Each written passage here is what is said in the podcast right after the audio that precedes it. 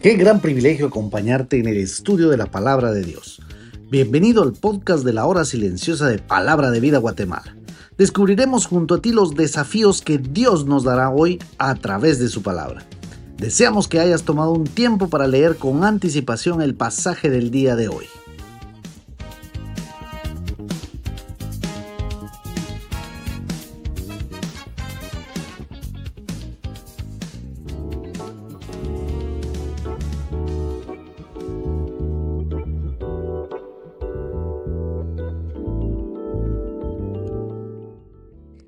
Muy buenos días, qué bendición que nos estés acompañando un día más en este podcast de la hora silenciosa de Palabra de Vida Guatemala. Estamos iniciando con la última semana de nuestra temporada de campamentos. Vívelo, comparte tu experiencia. Tenemos más de 350 campantes más el equipo que está trabajando para realizar este campamento. Te pedimos que puedas estar orando por salvación para todos aquellos chicos que no conocen a Cristo y que han venido a este campamento. Este día continuaremos estudiando Lucas el capítulo 6 versículos del 39 al 49. La palabra de Dios dice así, y les decía una parábola. ¿Acaso puede un ciego guiar a otro ciego? ¿No caerán ambos en el hoyo? El discípulo no es superior al maestro, mas todo el que fuere perfeccionado será como su maestro. ¿Por qué miras la paja que está en el ojo de tu hermano? Y no echas de ver la viga que está en tu propio ojo? ¿O cómo puedes decir a tu hermano, hermano, déjame sacar la paja que está en tu ojo, no mirando tú la viga que está en el ojo tuyo? Hipócrita, saca primero la viga de tu propio ojo y entonces verás bien para sacar la paja que está en el ojo de tu hermano.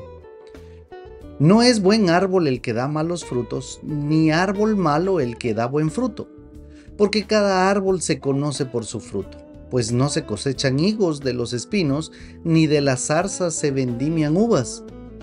El hombre bueno, del buen tesoro de su corazón, saca lo bueno, y el hombre malo, del mal tesoro de su corazón, saca lo malo, porque la abundancia del corazón habla la boca.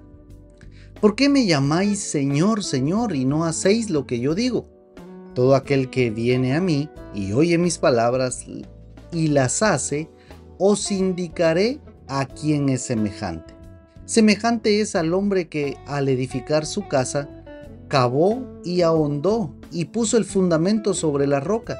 Y cuando vino una inundación, el río dio con ímpetu contra aquella casa, pero no la pudo mover, porque estaba fundada sobre la roca.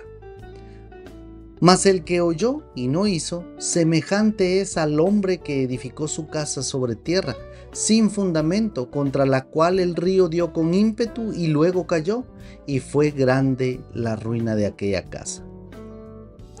Si has tenido la oportunidad de ver las Olimpiadas para personas con capacidades distintas y ves participar en competencias como la de maratón, por ejemplo, en algunas ocasiones hay personas que no pueden ver y ellas deben ser guiadas por otra persona, que como es de esperarse, pues sí puede ver.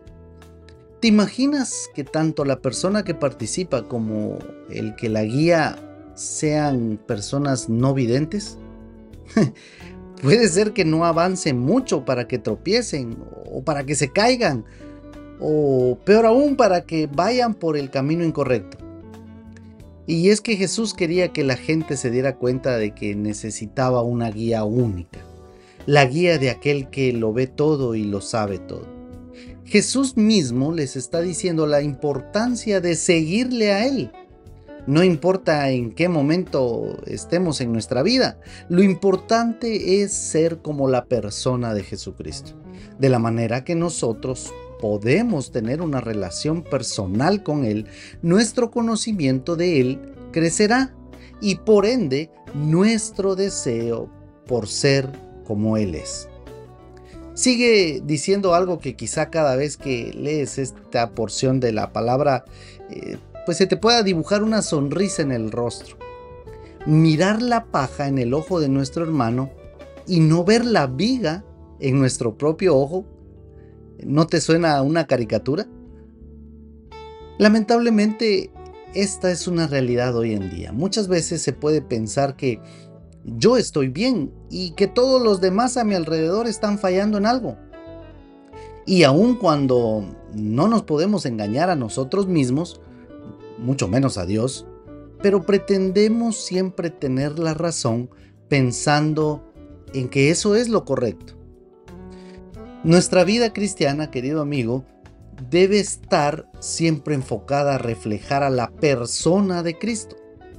Por eso Jesús habla también en este pasaje acerca de los frutos que producimos, es decir, de la manera en que vivimos.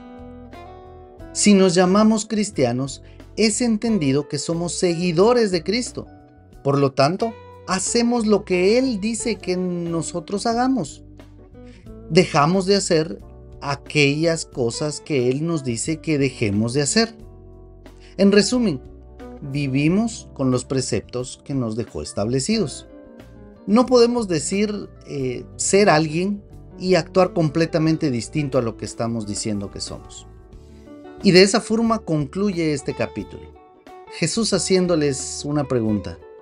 ¿Por qué le llamaban Señor si no hacían lo que Él les decía?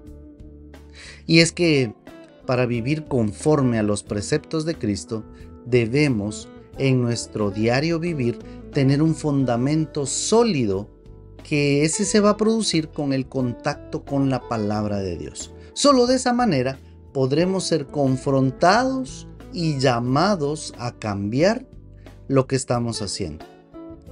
Vamos a poder vivir una vida plena que rinda frutos para la gloria de Dios.